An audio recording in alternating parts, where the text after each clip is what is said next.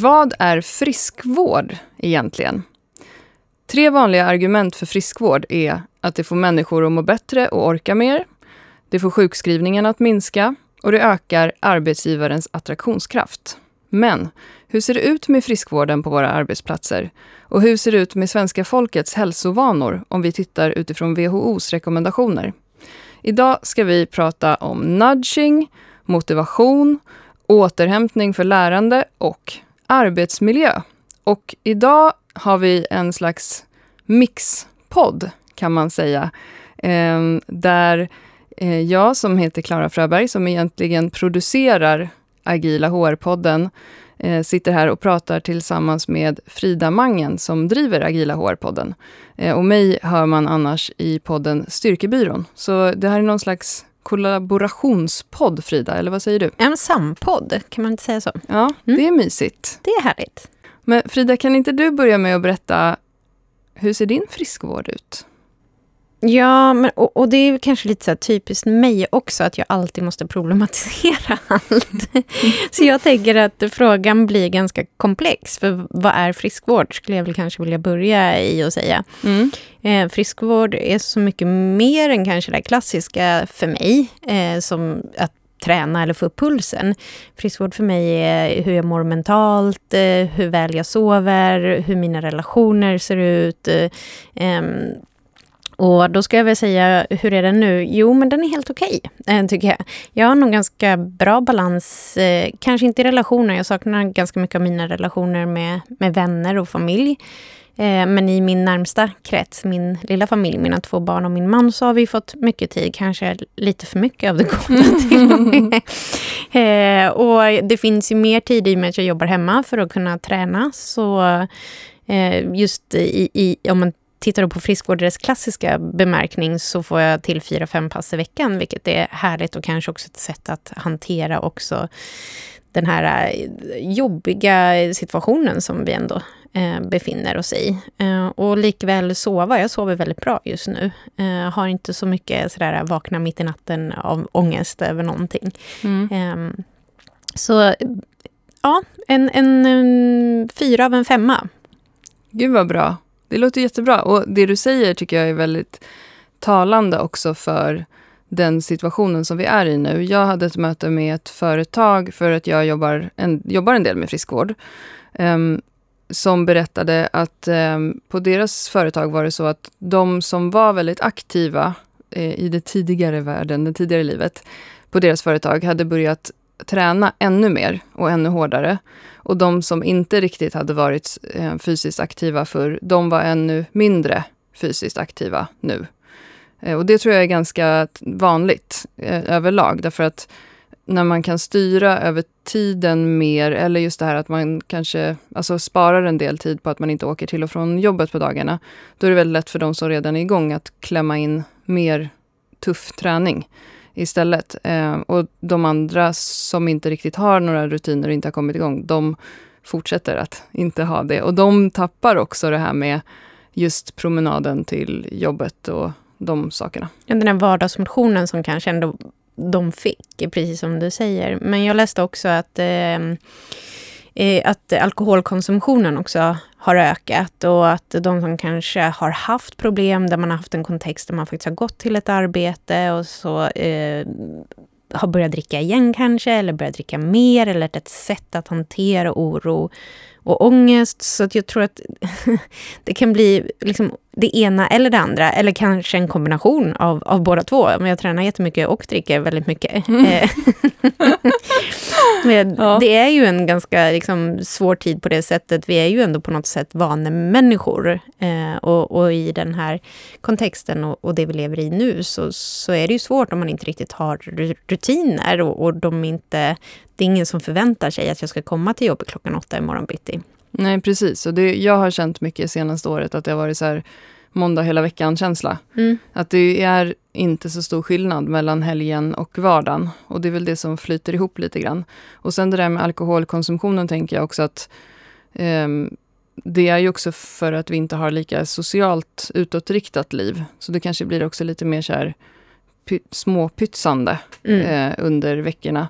Men sen ja, det är ju en annan diskussion också. Sen är det också väldigt så här, trendigt att vara intresserad av alkohol och sådana saker idag också, som kanske också spelar in. Men jag tänker också att vi kan också börja med att säga att vi vet ju om att inte hela svenska folket sitter och hemmajobbar Nej. just nu. Utan det är en del av svenska folket som gör det. Men däremot så påverkas ju vi alla ur ett friskvårds och hälsoperspektiv av pandemin. Därför att alla våra eh, sociala kontakter idag är också begränsade i privatlivet, vilket också kanske gör att man behöver leva annorlunda. Man blir mer begränsad och sporthallarna var stängda under en period även för barn. Nu är det väl fortfarande så att sporthallarna är stängda för vuxenaktiviteter. Jag kan inte exakt hur det ligger till. Men de, det är klart de offentliga är ju det. Mm. Eh, och även omklädningsrum och liknande. Just det. Och allt sånt Ehm, såklart ändrar ju liksom hur vi lever just nu. Men och varför, egentligen så var det jag som ville prata med dig om de här sakerna Frida, för jag går och tänker på dem jättemycket. Eh, det är ju just det här, vad händer med svenskt arbetsliv när vi behöver ta hänsyn till en pandemi också? Och eftersom jag då själv jobbar en del med friskvård för företag, men jag jobbar också mycket med friskvård för privatpersoner, ehm, så ser ju jag också att det finns liksom ett stort behov av att prata om de här frågorna extra mycket nu. Mm. För att det finns många saker som har förändrats eh, just på arbetsplatserna, men som kanske inte riktigt har hunnit ikapp eh, än. Eh, och det är ju bara sådana saker som hur ser vi på ett företag till att våra anställda har ehm, Ehm, en bra arbetsmiljö? hemma. Eh, och de företagen som har kontaktat mig och mitt företag på sistone för just då digital friskvård. Eh, I, annars i det övriga livet har det kanske varit så att man vill ha, använda sig av en friskvårdstjänst där man tränar, man erbjuder träning till sina anställda. Men nu är det ju mer eh, att vi erbjuder stöd digitalt. Men de uttrycker just det att vi känner att vi inte har någon koll på riktigt vad alla våra anställda gör just nu. Ehm, de som kontaktar oss har ju då personal som jobbar hemifrån. Just det. Ehm, så att jag tycker att det här är jättespännande och jag tycker också det är spännande frågor i kontexten att ehm, för då just hemmajobbarna så flyter liksom privatliv och arbetsliv ihop. Mm. Och jag tänkte att vi kanske skulle börja lite från början om just det här med vad friskvård egentligen är. För det var ju det du sa, när du ställde en motfråga när jag frågade dig hur din friskvård ser ut. Då sa ju du, vad är friskvård? Och då räknade du, du upp massa saker nu som var kopplade till ditt mående. Men som eh, inte alls, tror jag alla tänker så här, eh, det är friskvården på mitt företag.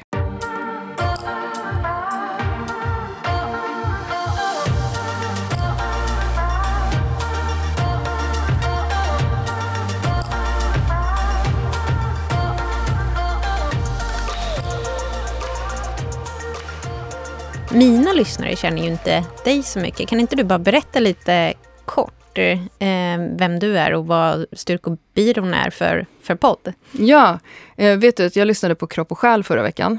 Eh, och då handlade avsnittet som jag lyssnade på om att vara en generalist. Och att det är tydligen det nya moderna. Eh, det handlade om att samhället har idag ett mycket större behov av generalister än specialister. Och då tänkte jag, vad skönt. det är det jag kan säga att jag är, för att jag känner att jag har så spretig eh, liksom yrkeskontext. Men jag är eh, kommunikationsstrateg från början och kommer ifrån PR-branschen och dessförinnan filmbranschen.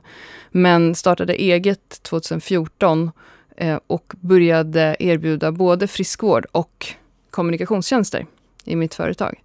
Så jag har jobbat som eh, konsult inom kommunikation, framförallt digital PR kan man säga. Eh, och sen så har jag jobbat mot privatpersoner och det är där de flesta av mina lyssnare i min podd känner ju mig eh, för de tillhör den målgruppen, ifrån sociala medier och från podd som handlar om träning. Eh, och sen så jobbar vi en del också med friskvård för företag. Så att, ja, det är ju en lite så här splittrad verklighet som jag lever i. Men som sagt, det var någon som sa i det här Kropp och själ att när apokalypsen kommer så är det generalisterna man vill ha med sig i bunkern. De som kan eh, ganska lite om mycket. Vi brukar säga i min värld då, i, i, för Agila hårpodden handlar ju egentligen om människor i slutändan, eh, där jag intervjuar och utforskar och har gäster som pratar om vad är framtidens arbetsliv. Eh, och i, i våra organisationer så består ju det eh, av människor. Nu kommer AI och, och annan teknik också som kanske kommer ta över en del av våra jobb. Men det gör ju än mer att, att våran mänskliga liksom, förmåga kommer bli viktig på arbetsplatsen. Mm. Eh, och vad, vad, är det då? Och hur ser framtidens arbetsplatser ut? Eh, och det jag tittar på är också mycket om förändringsledning och, och, vi brukar prata om att vi mer och mer går åt att man, vill ha en T-kunskap. Om man tänker sig ett T mm. så har man ett djup inom kanske ett eller två områden men sen vill man ha den här generalistkunskapen, alltså en större bredd. Eh, förr så tittade man ju mer på om man skulle vara specialist och jag är specialist inom det här området och det var lite det kanske karriären gick ut på att antingen blev man liksom en chef eller ledare eller så blev man specialist inom sitt område. Mm. Men idag går vi mer åt att, precis som du säger, att att också ha en, en större bredd. Så du är inne, Klara. Ja, det är så skönt. Men, men för mig har det liksom, det känns väldigt naturligt de senaste åren, därför att kommunikation, alltså egentligen när du jobbar med fysisk aktivitet för kroppar, alltså träning, så är det um, egentligen är det kommunikation. Därför mm. att träning är inte så komplicerat egentligen. Det är vetenskapligt. Du kan uh, aktivera en muskel så här tungt på det här sättet så kommer den att växa och så här så kommer den att bli starkare. Det är ju, alltså, men om alla um, bara gjorde så, som det står i boken, då skulle ju ingen ha någon liksom, behov av att få hjälp med sin träning. Så att det som, som jag säljer när jag säljer träning, det är ju kommunikation. Eh, folk kommer ju till mig för att de tycker att jag är trevlig och för att jag lyssnar på dem och för att jag ser dem där de är idag eh, och hur jag kan hjälpa dem. Men sen själva träningskonceptet, och det är ju ett helt annat poddavsnitt, skulle jag kunna prata om hur länge som helst. Det är ju, det är ju träningsbranschens stora utmaning och hälsobranschens stora utmaning skulle jag säga överhuvudtaget. Det är att man säljer man tror att man säljer träning. Vilket gör att man så här, säljer på um, unikitet, brukar jag höra att ni pratar om i din podd ibland. Uh, och grejen är, det är inte unikt. Alltså, burpees, utfall, springa, hoppa, dra, putta saker. Det är, eh, det är inget unikt med det, utan det är kommunikationen kring det som är... Det är ju det, det, är det som gör att folk inte går och tränar. Det är inte, du kan ju liksom köpa ett program eller kan ladda ner ett gratis på internet. Så står det precis hur du ska göra. Varför gör inte folk det då? Men är inte det, Klara, det som handlar om eh, det som jag jobbar med, alltså HR, alltså människor i slutändan. Att vi människor, vi, alltså, vi tror att vi är ganska eh, objektiva och att vi kan liksom vara logiska och sådär. Men vi är ganska ologiska varelser, vi är ganska komplexa varelser. Vi gör det oftast ganska mycket mer eh, svårare för oss själva än vad det är. Mm. Eh, så det handlar mer om, om människor och beteenden, vad vi än jobbar med idag. Eh, oavsett hur, hur vi hjälper en kund, eh, om det är genom en tjänst eller om det är en produkt eller vad det är. Eh, för det gäller att förstå hur människor eh, är, eh, mm. hur människor beter sig och beteendevetenskap för att kunna hjälpa. Så egentligen jobbar du med beteendevetenskap, men, men det din kund vill ha är någon slags resultat i när det kommer till träning eller rörelse. Mm. När jag jobbar med människor så är det mer i, i en organisatorisk eh, kontext. Men där handlar det om hur, hur skapar vi förutsättningar för varje individ att, att bidra mm. eh, och vilja bidra. Där vi ser att vi har ett väldigt lågt engagemang i världen, men i Sverige eh, idag.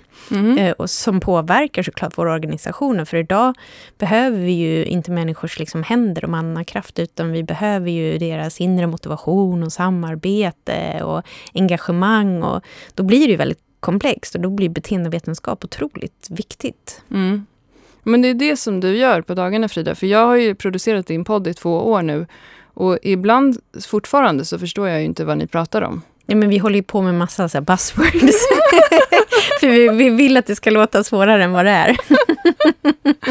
ja, det skulle vara skönt om det, om det fanns en så enkel guidebok till det här är HR. Vad är HR? Men, och jag tänker att HR är eh, mänskliga relationer i system. Ja. Tänker jag rätt då? Ja, det kan man säga. Och mer och mer går vi åt eh, det här social enterprise, alltså man tittar på organisationer som de mer än kanske bara ett jobb som man går till.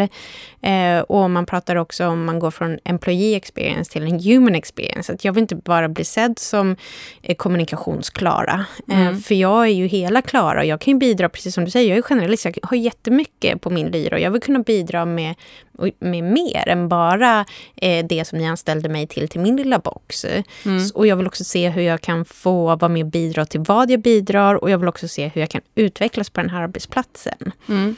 Eh, Så även där blir ju HR mer komplext eh, i dagens organisationer. Men det där, ehm, när du säger det så tänker jag på den här stora trenden som var inom... Jag, jag kan tänka mig att du har massa kunskap om det här, men det här som var väldigt stort inom när IT-boomen slog igenom, hela spray-eran och sådär, för mig som är lite äldre. Då slog det ju igenom i Sverige det här med de här sociala kontoren. Och jag som kommer ifrån PR-branschen också minns att man pratade mycket om det först efter ett par år, det här med det informella sociala på arbetsplatser. Att arbetsplatserna, alltså Google blev ju kända för att de, det var inrett som ett kuddrum typ och på Spray hade de så här fritidsgård och det här med att så här, man ska vilja vara privat på jobbet, men vilket man sen kunde se att det ledde till att till exempel kvinnor som var då klassiskt gick hem eh, för att hämta på förskolan missade lednings, informella ledningsgruppsmöten för att man inte var med på den här AWn. Eh, är det någonting som är helt passé nu? Alltså det här med det sociala. För du pratar om det här med att man, att man vill att en arbetsplats ska kunna ta tillvara på hela människan. Men jag skulle ju gärna då vilja att man gjorde det fast utan att man krävde att det var i något privat sammanhang. Om du förstår vad jag, Jag menar. tror att eh, vi fortfarande lever i den och det beror lite på vilken bransch man är i. Jag har jobbat mycket inom techbranschen och IT-branschen och där är det ju en hygienfaktor idag. Man förväntar sig att det finns kylar som är fyllda med mellanmål, lunch, du ska kunna gå och plocka din mat. Eh, Det finns, eh, eh, det finns dryck, det finns kanske en ölkyl, det finns ett eh, spelrum. Men det är så pass, det förväntar man sig så det pratas inte om längre. Det är nästan bara fånigt om man marknadsför att man har ett pingisbord. ja. Men nu ska vi komma ihåg att det handlar också i en, en värld där vi har ett, alltså brist av kompetens. Så där har man gjort allt för att göra sig till för att kunna attrahera Ja. eh, den här kompetensen. Så ser det ju inte ut på varje svensk arbetsplats. Nej, verkligen inte. Men, och just, men jag kan känna igen mig mycket i att jag tror att en anledning varför jag har trivs väldigt bra med att vara egenföretagare och konsult i ganska många år är för att jag aldrig har känt att jag har haft ett behov av att vara, liksom, mys, vara mysprivat på mitt jobb. Utan jag har tyckt att det är skönt att skilja på eh, ledig tid och jobbtid. Jag, eh, alltså jag har jobbat i, på jättemånga arbetsplatser där jag älskat mina kollegor. Men just det där eh, mm, AV-grejen och så har aldrig riktigt varit min pryl. Och då har det ibland känts svårt att Mm. liksom tillhöra. Men som konsult har ju det alltid varit lite skönt, för då räknas man inte alltid in naturligt i det. Just det. Men det är trevligt att bli bjuden, men det, också, det måste också få vara fritt att tacka nej. Ja, men precis. Och där pratar ju vi mycket om det här med psykologisk trygghet. Eh, Att jag, så här, jag önskar att du känner att du kan vara ditt fulla jag på jobbet. Att du inte måste sätta på dig en jobbmask, Klara, när du går till jobbet. Utan att du känner att ja, men jag är accepterad som den jag är och jag får vara den jag, den jag är.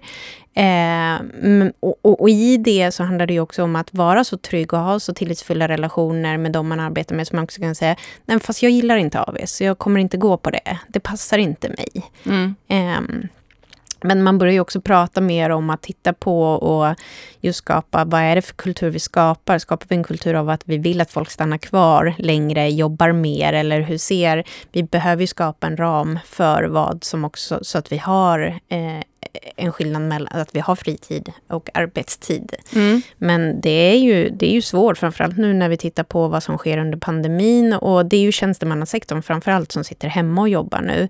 Och där ser man ju att det kommer nog fortgå även efter pandemin.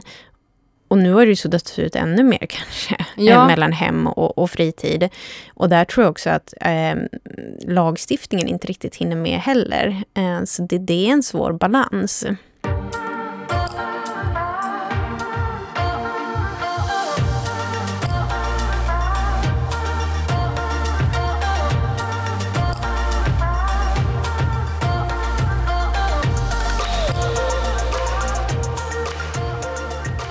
Jag tror att människor har ett behov av eh, av och påtid. Att liksom, nu är jag på jobbet, nu har jag jobbhatten, nu är jag privat, nu kollar jag på Gilmore Girls eller vad det nu är jag gör. Eh, och det blir ju svårare när man sitter i, som jag sitter hemma i min klädkammare, har jag byggt om till kontor, eh, för att kunna stänga in mig från eh, barnen, framför allt, som kommer och stör.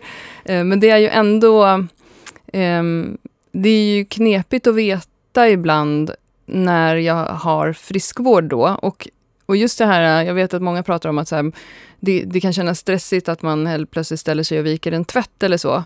Men jag personligen känner att det är lite friskvård när jag gör det. För mm. det är ett sätt för mig att komma, att um, rent mentalt släppa just de här arbetsuppgifterna som jag gör just då. Då kanske jag lyssnar lite på radio eller någonting och så viker jag några plagg och slänger in någonting i maskinen och sen så går jag och sätter mig vid datorn igen. Men, men jag kan också tro att många tycker att det är stressigt för att det blir det här äh, diffusa. Och eh, som eh, min eh, partner då, min kille, han är intensivvårdssjuksköterska. Ehm, så han har ju en helt annan, han har ju den det, liksom, det viktiga jobbet just nu.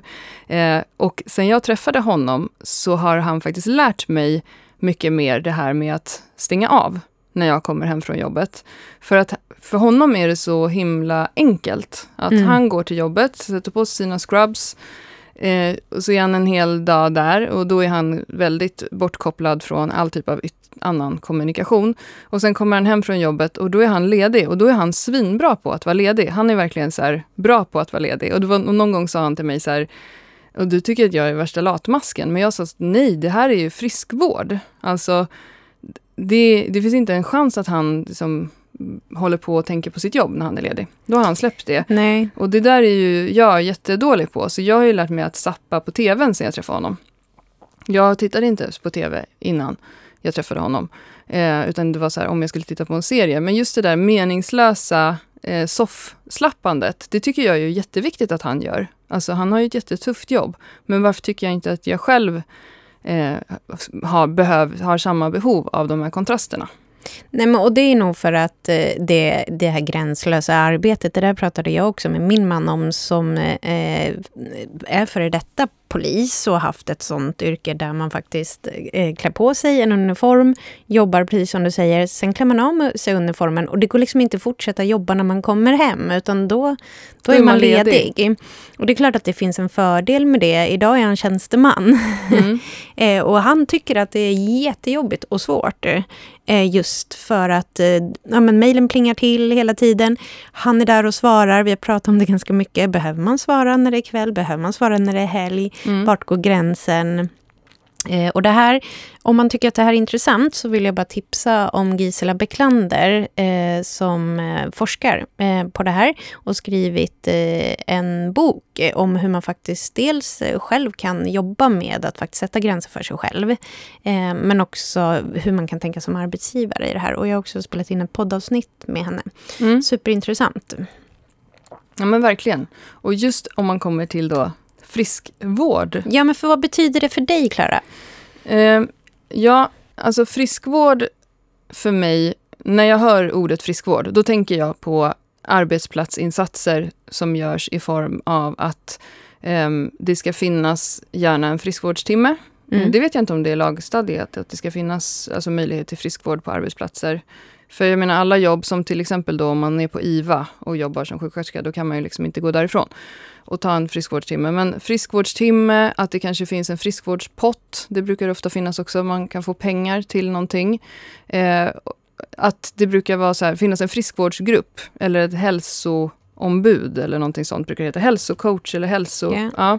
Och att de eh, sätter upp lappar på en anslagstavla där det står att man kan få sin avgift eh, eh, betald till eh, det här vårruset. Och då får man en picknickkorg om man är fem personer. Och sen att det kan vara, eh, för, för väldigt många år sedan så jobbade jag på nummerupplysningen. Och där hade man, då fick man en så här eh, stegmätare. Och så, fick, så var det då stegtävling. Så skulle man lämna in den efter en period skulle det synas i den hur många steg man hade gått. Och då höll alla på att skämta och prata om att de skulle gå på, de skulle liksom fuska det där på något sätt. Så att man skulle kunna liksom lura den att man var ute och gick fast man inte var det. Jag, jag blev faktiskt osäker på det med friskvårdstimmen, så jag var tvungen att, att, att, att titta här. Eh, jag tror att det är så att eh, det beror på vad du har för kollektivavtal. Alltså det är inget som är lagstadgat. Eh, och, och det gäller ju även friskvårdsbidrag. Mm. Det är ingenting som är lagstadgat, att man måste ha ett friskvårdsbidrag. Men jag skulle väl säga att det är väl kutym att alla arbetsgivare ger något slags bidrag för att kunna utföra friskvård. Ja, och det brukar stå som en förmån i en platsannons. Så brukar det stå, vi erbjuder friskvårdsbidrag och friskvårdstimme ja. och sådana saker. Och där kan man titta på Skatteverket då. Vad, vad är det som får ingå i ett friskvårdsbidrag? Ja. Det där har man ju utökat idag. Man kan få massage och det finns ju alla möjliga olika. Mm, och det diskuteras ju mycket och någonting som har varit väldigt viktigt under just pandemin har ju varit att Skatteverket nu godkänner också eh, hemmaträning eller då att du köper till exempel en tjänst för att träna hemma. Det gjorde de inte förut.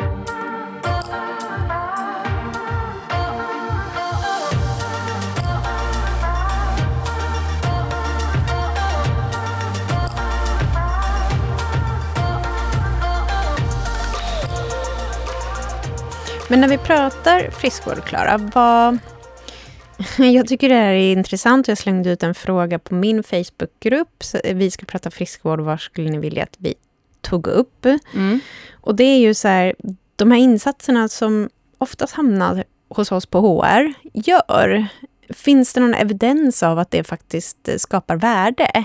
Eh, vi har ju många friskvårdsinsatser, eller många, men, men sådana klassiska friskvårdsinsatser som vi på HR kanske är med och, och skapar eller bidrar till. Det är ju eh, dels friskvårdsbidrag, man får in ett kvitto och så attesterar man och så, mm. och så får eh, eh, medarbetaren eh, tillbaka, det tillbaka pengar. Ja, eh, det, är, det kan vara att det finns eh, om det är större arbetsgivare så kanske det finns möjlighet att träna på arbetsplatsen. Eh, mm. där man också, det här framförallt då kanske innan pandemin, eh, också hyr in då instruktörer och andra som kanske har löp löpning eller man har också kanske badmintonklubbar och vad det nu kan vara för någonting. Mm. Um, vi håller också på med såna här steg, eh, stegräknartävlingar, eh, nudging mm. av att ta trapporna istället för hissen eh, och så vidare.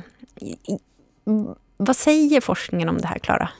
Ja, men det finns en del studier som visar just att företag som har fått med sig hela, liksom alla, på att Eh, Eh, ägna sig mer åt friskvård. Det finns något exempel i södra Sverige på någon typ av tillverkningsindustri där man också införde träning på arbetstid. Eh, vilket är ganska ovanligt i den typen av, av yrken. Eh, att de har fått en mycket lägre sjukfrånvaro till exempel. Så där kan man ju se att det finns tydliga sådana effekter. Men däremot så jag har ingen koll på det, men jag kan tänka mig att det här till exempel med friskvårdsbidrag, det vet jag inte om det finns något mätbart på vad det egentligen ger. Det, en, det var en lång artikel i tidningen Filter för inte så länge sedan som har tittat på det här med just friskvårdsbidrag till gymkort, eller att man har gymkort, som i korta drag handlar om att om alla som hade ett gymkort skulle utnyttja dem så skulle gymmen behöva bygga ut sina lokaler. de, tjänar, de stora globala kedjorna tjänar ju i princip pengar på att vi inte använder dem. Och ur mitt perspektiv som då också jobbar med friskvård så skulle jag säga att många arbetsgivare lite så köper sig fria från att göra någonting på riktigt med friskvården på arbetsplatsen när man då säger så här, men vi har det här bidraget. Jag har själv jobbat som anställd inom liksom, karriärsyrken som tjänsteman, där det i princip har varit så att så här, ja, vi har ett friskvårdsbidrag och du får ta ut friskvårdstimme, men du måste fortfarande fylla din faktureringsgrad. Vilket i princip då innebar att jag hade aldrig tid att använda det på arbetstid. Mm. Och då blir det ju lite så här, är det här verkligen friskvård? Men för att återgå till din fråga så finns det en hel del eh, bevis på att just en högre eh, fysisk aktivitet eller liksom friskvård på arbetstid för anställda minskar eh, sjukskrivningen och sjukfrånvaron. Och det är väl ett problem med just friskvård, är väl att ofta när företag drar igång en friskvårdssatsning för en individ så är det när den har blivit sjuk. Mm. Um, alltså när man hamnar på företagshälsovården för ett eller annat besvär som är arbetsrelaterat. Det är då man brukar börja liksom, se över vilka insatser man behöver göra för den personen istället för att man kanske från början borde ha funderat hur ska vi göra för att våra anställda inte ska bli sjukskrivna för stressrelaterade besvär till exempel. Ja, men, och det finns ju en del forskning som tittar på det här med effekten av friskvårdsbidrag. Eh, en är bland annat från GH, där man ser att ja, men friskvårdsbidraget eh, ger effekt i form av att den som tränar använder bidraget. Men den hade kanske tränat oavsett. Mm. Eh, och det där är en vanlig argumentation som jag hör. Och jag tycker inte jag tänker att det är väl bra att de som redan tränar fortsätter träna, för vi vet att, att det är bra för hälsan, det är bra för lärandet, eh, det är bra för balans i livet och så vidare, återhämtning. Men det blir lite preaching for the choir, alltså hur får vi med oss de Precis. som inte utnyttjar friskvårdsbidraget och de som inte utnyttjar friskvårdstimmen och de som inte eh, liksom är aktiva. För de här personerna som du pratar om hade ju betalat ur sin egen ficka annars. Ja, men så är det. Eh, och då är man ju inne mer på, även i, i de här studierna, att det handlar om beteendeförändringar. Då är vi tillbaka till det som vi började prata om, att, att man behöver jobba med människor och beteenden. Mm. Och där tror jag också att vi lätt, eh, så här, vi vi jobbar med self-hugging, så vi gör så som vi tänker att jag mår bra av att träna crossfit. Då tänker jag att alla andra ska träna crossfit. Eller eh, nu ska, det är väl den klassiska, den här eh, företagsledaren som eh, kör en klassiker och sen så tycker han eller hon att det här är superbra. Och då ska hela företaget gå ut och springa på lunchen eller eh, klättra eller vad det nu kan vara. Medan det finns massa folk som tycker att det här är helt fruktansvärt. Ja, det finns ett uttryck som är hälsohets som brukar eh, be, liksom benämnas i olika typer av eh, forum på nätet kopplat till träning och sådär. Och jag kan verkligen själv relatera till det, för att jag är ju en person som vissa kanske tycker är en hälsohetsare. För att jag är väldigt aktiv. Jag har en hög vardagsaktivitet varje dag Um, alltså rör på mig, promenerar och så vidare. Och jag tränar ganska tufft ett antal gånger i veckan. Och um, jag ser till att um, liksom svettas en gång i veckan också. Sjukt provocerande. Men jag kan otroligt mycket väl relatera till det här med att jag kan bli provocerad om någon försöker trycka upp det i halsen på mig. Alltså det här med påtvingad eh, aktivitet. Mm. Att, och det är ju också så tydligt att det är inte motiverande. Eh, om vi har ett samhälle som vi pratar om, vi pratar ju hela tiden om, vilket har visat sig forskningsmässigt inte stämma, men att sitta i det nya röka och eh, det är så alarmistiska rapporter hela tiden om hur lite vi svenskar rör på oss och så vidare. Eh, och att, att lösa det med att säga att nu ska vi ha gemensam crossfit på fredagarna på kontoret. Det kommer inte att funka, för att om det var så enkelt så skulle alla köra crossfit på fredagarna på kontoret. Um, och väldigt många människor rent privat hamnar ju ofta i en tankevurpa när det gäller just friskvård och sin aktivitet i att de har en målbild framför sig om vem de vill vara. Och då vill de vara den här personen som tränar tre gånger i veckan, går varje dag till jobbet, har 500 gram frukt och grönt på tallriken till varje måltid, eh, sover bra på natten och så vidare. Men om man sen ser till vad man är exakt just nu idag, så kanske det är väldigt långt därifrån. Och då hamnar ju många i att man gör just den här satsningen, den här hårdsatsningen istället på att dra igång en hälsoresa eller en, en challenge på fyra veckor eller på tolv veckor eller vad det nu kan vara. Eller en sluta äta socker-tävling och så ska man få med sig andra på det. Men, och det finns ju väldigt mycket forskning på, att dieter och, och den här typen av satsningar inte håller resten av året. Och jag är ju en stark förespråkare av Um, gör hellre någonting halvdant hela året än att gå all in i några veckor efter nyår. Um, men just att hitta nycklarna där, du sa nudging förut, mm. alltså hitta hur man liksom puffar på folk lite grann eh, så att man känner själv sig motiverad till att ta de här små stegen hela tiden. Alltså, det är en jättestor utmaning. Det finns en, jag eh, vet inte om den finns kvar nu, men det finns en kedja som heter Itrim som jobbar med viktminskning. Mm, mm.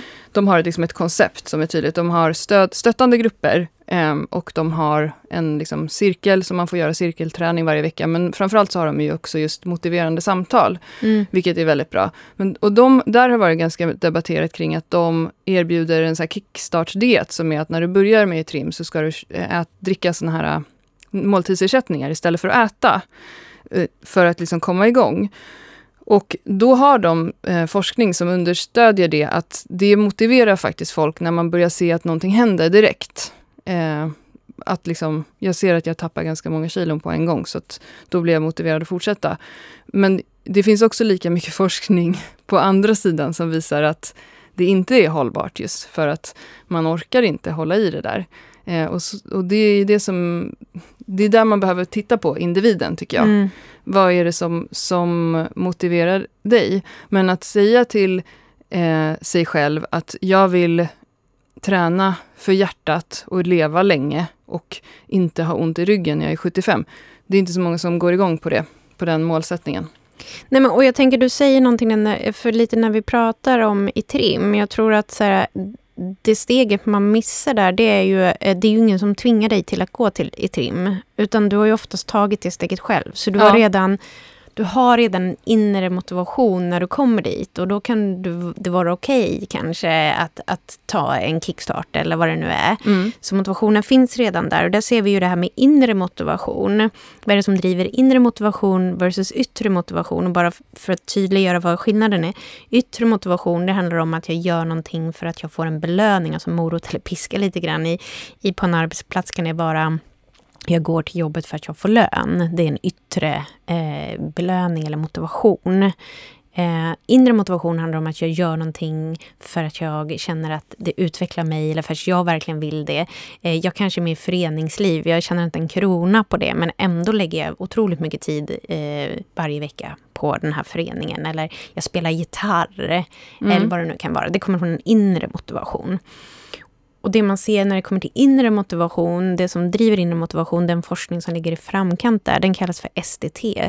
Eh, Self Determination Theory. Och där ser man att det är tre eh, egentligen faktorer som spelar in för att vi ska kunna uppleva en inre motivation. Eh, och det ena är kompetens, att vi känner att vi har tillräcklig kompetens för att göra det vi ska göra. Att det inte känns helt övermäktigt. Mm. Eh, det kanske känns helt övermäktigt eh, att träna crossfit om jag aldrig har rört mig exempelvis. Eh, det andra är relationer, att vi har tillitsfulla och goda relationer. Eh, att, ja, men, eh, det handlar ju om positiv psykologi också. Att, så här, men det är trevligt eh, att, att gå till paddelstudion, eller vad heter det, där man spelar paddel? Mm. paddel eh, det är så himla inne nu. Paddelhangaren kanske? Ja, så kanske det heter. Jag Nej, jag har ingen aning. Um, där, och, så det påverkar eh, min inre motivation. Det är så kul för jag träffar Klara varje gång jag går till eh, padden. Mm. Eh, och den eh, eh, sista delen är autonomi. Att jag känner att jag själv kan styra och bestämma. Just det. Och jag tror att man i det här som vi pratar om beteenden så tänker jag att eh, det finns inte en one size fits all inte ens när det kommer till friskvård. Det blir så lätt att vi tänker att nu ska vi ge en one size fits all friskvård här på vår arbetsplats. Men det funkar inte längre, det är inte hållbart. Utan vi behöver titta vad behöver varje individ och hur kan vi skapa förutsättningar för det. Ett sätt är att jobba med de här portalerna som finns idag. Eh, Benify är ju en av dem. Man kan gå in och så får man välja själv hur man, vad vill jag använda mitt friskvårdsbidrag till. Men jag tror att man behöver gå längre än så. Eh, att också titta på vad har du för förutsättningar? Hur, hur, hur kan vi hjälpa dig? På vilket sätt kan du eh, nå dina dina mål. Och där vet vi att den träningen som blir av är den som eh, eh, är den, det, finns liksom ingen träningsform som egentligen är bättre än någon annan, utan det är det som blir av. Så är det att promenera så är väl det fantastiskt bra eh, för någon, medan för någon annan kanske det är att få in tio löppass i veckan. Mm. Ja, men just det att, att, som du säger, utgå från varje individ och att fråga frågan, vad, vad befinner du dig idag? Vad skulle du vilja vara någonstans? Och vad behöver du göra för att komma dit? Men vad är också rimligt? Och för den här personen som tränar tio pass i veckan, eh, så är ju en vanlig fråga som jag ställer så här, är du, går du framåt i träningen, har du kul, får du ut det som du förväntar dig av den? Om svaret är ja på alla de sakerna, då är det ju bara kör på. Eh, för det brukar vara en vanlig fråga, så här, när, ska, när, vi, när ska jag byta upplägg eller när är det dags? Men känner du dig, eh, om du kör tio pass i veckan, känner du dig sliten ibland? Känner du att du har orolig sömn? Känner du dig stressad? Eh, känner du dig liksom inte tillräckligt stark på passen? Men då kanske du behöver göra någonting annat för att det där ska funka. Och det kanske handlar om återhämtning och sådana saker. Medan för personen som skulle vilja komma igång med sin friskvård, precis som du sa, kanske vi ska börja med att du en dag i veckan adderar att du ska vara utomhus. Jag är också lite allergisk mot det här med de här stegen hela tiden. Mm. Att man ska prata om hur många steg. Och det är för att det har blivit en sån måttstock. Det här med 10 000 steg eller vad man säger. Mm. är någonting som är bra. Men all typ av aktivitet handlar ju egentligen om vad du gör och hur du får dig att må. Och då tycker jag det är bättre när det varit så mörkt som det har varit nu. Att så här, jag ska se till att försöka komma ut utomhus varje dag någonting. För går man ut och har med intentionen att man ska gå ut i tio minuter, då blir det oftast längre. Mm. Men om min förra vecka var så att jag inte var ute och rörde på mig en enda gång och inte tränade någonting och inte åt en enda frukt, då är det ju där jag måste börja. Och sen, eh, sen finns det också ganska mycket forskning på just motivation, som du pratar om inre och yttre. Men att också en vanlig missuppfattning om motivation är att folk tror att det är något som kommer till en. Alltså man säger det här, jag ska börja träna efter nyår. Eller jag ska vänta tills jag blir motiverad. Och då, kommer jag, då vet jag att det kommer komma igång. Så här. Men att eh, all forskning visar att motivation kommer av rutiner. Så att när du har satt en, fått in en ny vana, till exempel packa gympapåsen på tisdag kvällar, för på onsdag morgon ska jag inte jag, göra gymnastik med Frida. Eh, när jag tittar tillbaka och ser att så här, nu har jag, jag har gjort det varje onsdag i två månader, då kommer motivationen. Och då kan jag addera fler rutiner och fler vanor. Och på så sätt så kan jag hålla ut mer långsiktigt. Men det där, jag vet inte var den där myten kommer ifrån riktigt med det här med att motivation uppstår ur tomma intet. För att den gör inte det. Och det är ju så här, den tråkiga tränaren som säger så här, rutiner, rutiner, rutiner. Men just som du sa, skapa förutsättningar för de rutinerna. Ja. Vad behöver jag göra? Behöver jag kanske ta bort något i min kalender om jag ska addera något? Jo, för dygnet har inte fler timmar. Um, så det är svårt att trycka in nya saker. Men just så här, var lite fyrkantig, då kommer det börja ge effekt.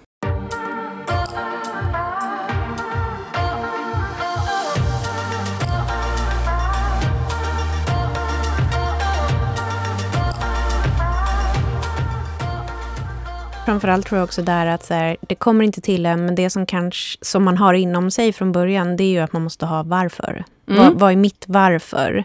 Varför gör jag det här? Okej, när jag vet det, då kan jag skapa rutinerna för att kunna uppnå en effekt eller liksom ta mig närmare mitt varför. Men om det är någon annan som sätter varför, och det är där vi på HR tycker jag oftast hamnar.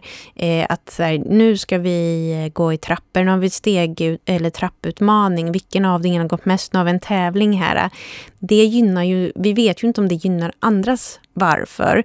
Så det finns en risk att det eh, egentligen inte skapar något värde, utan det är kanske de som, ja, de som kanske kände att jag vill börja gå i trappor, det är kanske de det gynnar. Och det, det kan vara en liten procentandel. Och tycker man att det är okej på HR, att ja, men det är de vi vill nå ut till, ja men då har man ju uppnått sitt mål. Men känner man att man vill uppnå som HR då, vilket vi ofta vill, ut till den stora massan och få dem att röra på sig mer, då tror jag inte att det kanske är just det initiativet som kanske ger den största effekten i vår organisation. Och det kan också lätt, tycker jag, eh, bli infantiliserande i det här. Att någon annan ska berätta för mig eh, att jag ska gå i trappor. Eller någon mm. annan någon annan check person. Ja, och vi pratar nudging. Vi kanske bara ska förklara vad nudging är för någonting. Det kanske inte är, är helt klart eh, för Nudging alla. är lite som det här, jag kommer ihåg när Facebook kom så kunde man poka någon. Kommer du ihåg det? Ja, just det. Att ja. det kunde stå så här, du har fått en poke just från Frida Mangen. Mm, mm. Och man undrade, vad är det här? Det är att någon har varit och Knuffat petat lite. lite. Ja, mm, mm. ja och, och det här eh, blev ju stort eh, då eh, Richard Taylor eh, fick Nobelpriset i ekonomi 2017 för eh, man hade sett att nudging kan eh, hänger ihop med motivation. Eh, och eh, ett sånt konkret exempel som man pratar om det var att eh, på Schiphol, på flygplatsen i Schiphol, så var det så många män som kissade utanför i pissoarerna. Mm. Eh, så man satte en liten blå fluga i pissoaren och då började männen försöka pricka eh, den här flugan när de kissade. Vilket gjorde att det, det blev inte lika ofräscht på toaletterna. Eh, så det var en form av nudging. Mm. Eller pilar i gatan som visar var närmsta papperskorg ligger, vart du kan slänga ditt skräp, så att du inte slänger skräp eh, på gatan. Mm. Och det här har ju vi börjat då anammat i våra organisationer såklart. Så en form av nudging som man använder i friskvård då kan vara pilar i trappen, att du ska ta trappen istället för hissen. Mm. Så, men det jag tror... Eh, Men det är fortfarande, om man inte då har motivationen till att man ska vilja gå i trappor, så kan ju de där pilarna bli lite så här äh, hetspilar eller provocerande pilar. Att man Ja. bara, "Ah, nu ska HR komma med sina pilar här. I en drömvärld hade man ju velat att eh, fler företag hade resurser att till exempel boka in individuella samtal med alla anställda och säga så här, hur, hur mår du? Och vad skulle du var skulle du vilja vara och är det någonting som vi liksom, att man tar fram en individuell plan för just det här äh, som du säger, någon kanske bara behöver bli påmind eh, och också få tillåtelse av sin arbetsgivare att på arbetstid då kanske gå ut och gå. det, det man ska komma ihåg med nudging, det är att eh, det, det man, forskning har visat också, det är att eh, det funkar väldigt väl och, och funkar för beteendeförändring om den som blir utsatt för nudging eh, igen vill det här. Alltså jag vill, Ja. jag vill slänga mina sopor i papperskorgen. Och också om jag tror att den som är sändare av nudgen eh, har en god intention. Mm. Eh, så eh, precis som du säger, om jag inte är motiverad då kan jag bara bli kanske mer irriterad och nästan i protest ta hissen varenda dag istället. Mm. Bara för att liksom... De här präktpellarna ska komma och tala Ja, om för mig. För vi är inne på autonomi igen, eh, som var en del av inre motivation. Om inte jag får bestämma att det är det här jag vill göra, varför ska HR komma och infantilisera och berätta för mig att jag ska gå i trappor? Mm. Eh, då har du varit inne och det kan skapa en hotrespons, alltså ett motstånd eh, hos mig som person. Ja. Och då kommer du få en motsatt effekt istället. Mm. Jag jobbade på ett företag för ett antal år sedan där vdn var friskisinstruktör också på fritiden. Alltså höll i såna cirkelpass på helgerna. Och förlåt att se mig en sån supercheck person i så rödvita kläder framför mig. Och då skulle vi ha någon eh, konferens eller kick-off eller någonting. Och då eh, föreslog hon att vi också, att hon skulle hålla i ett pass Mm. för alla. Och det låter ju så på ett sätt som en kul grej och att en så här, en konsultbolags vd skulle göra det och så vidare. Men det blev ju värsta grejen. För att det var många som blev upprörda och kände sig kränkta av det. Eller just det här, ska ni tvinga mig att gå på cirkelpass på min konferens? Eh, och det är det där man måste ta hänsyn till, att alla kommer inte triggas av det där. Och målet måste ju ändå vara att vi hittar ett sätt där alla eh, får möjlighet och förutsättningar att bara känna att de har nudgats inom någonting som de motiverar, som de vill, som du Mm. säger, jag vill slänga soporna.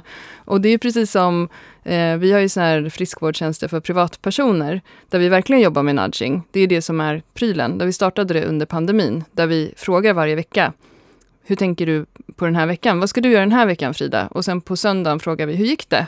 Och så har vi en diskussion med alla kring det. Men de blir ju inte hetsade av det, för de har ju ändå tagit steget att anlita oss Ja. för det. Och hur får vi våra anställda att liksom anlita HR för att få ett grepp om sin friskvård?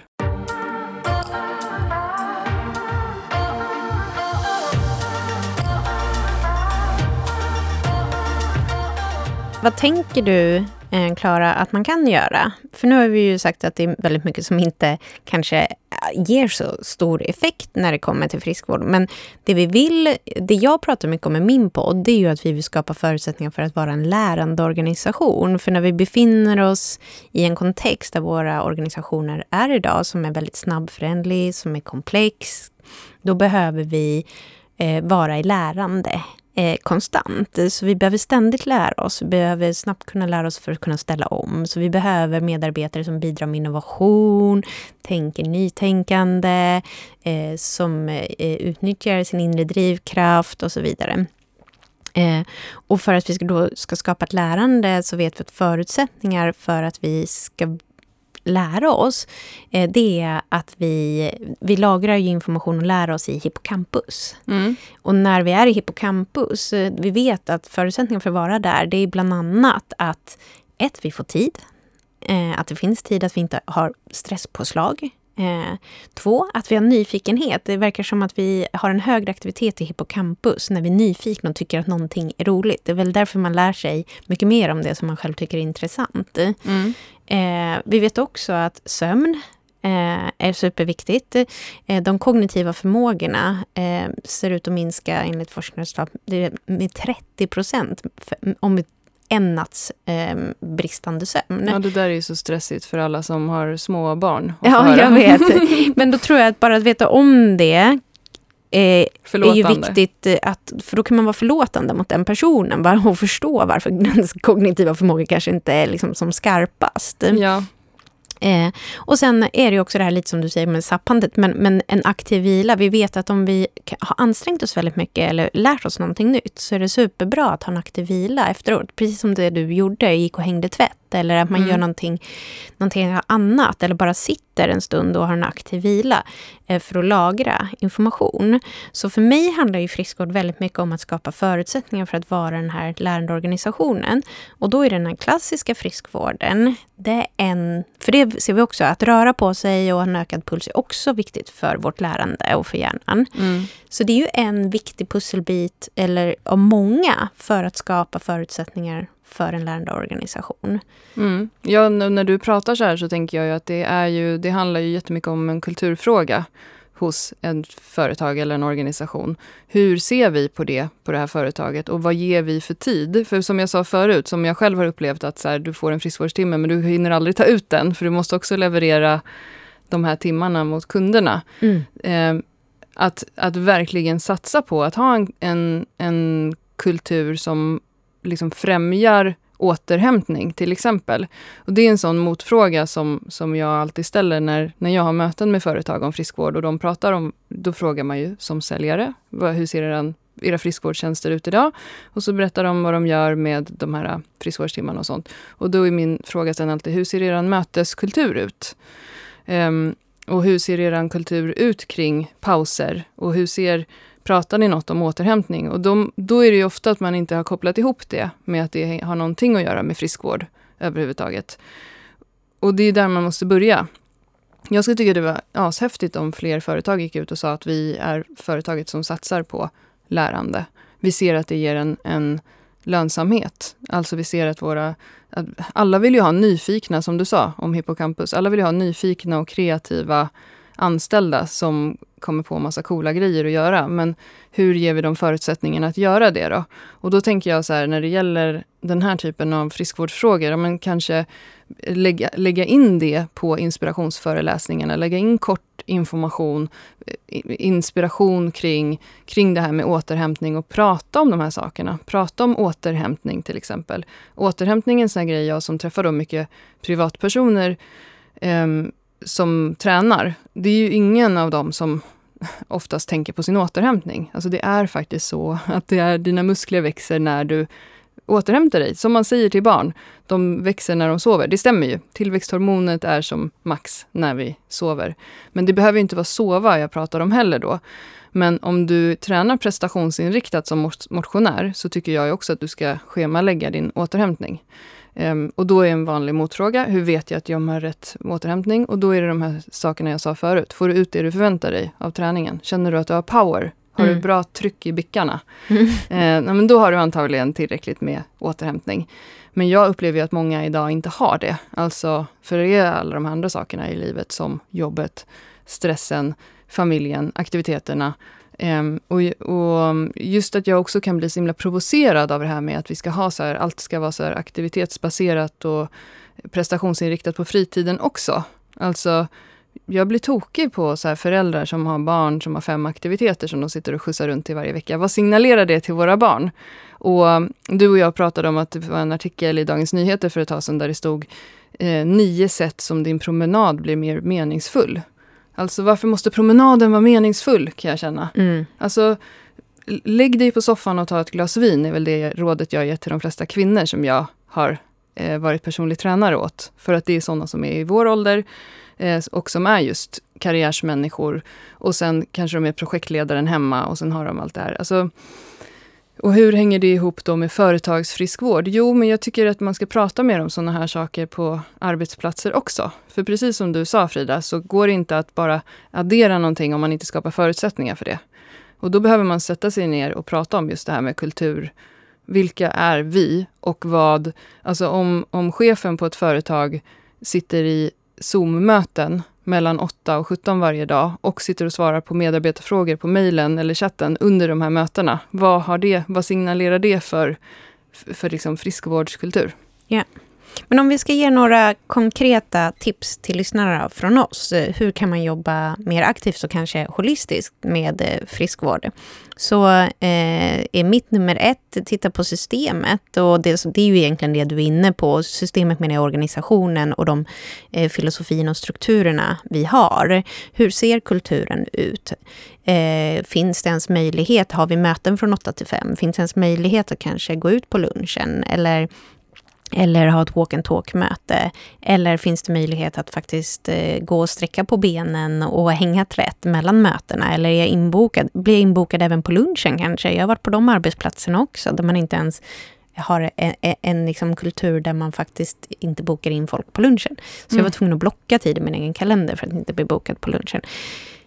Så titta på, på eh, organisationen och vad man har för kultur och system. Det tror jag är viktigare än att nudga via en trapputmaning exempelvis. Mm.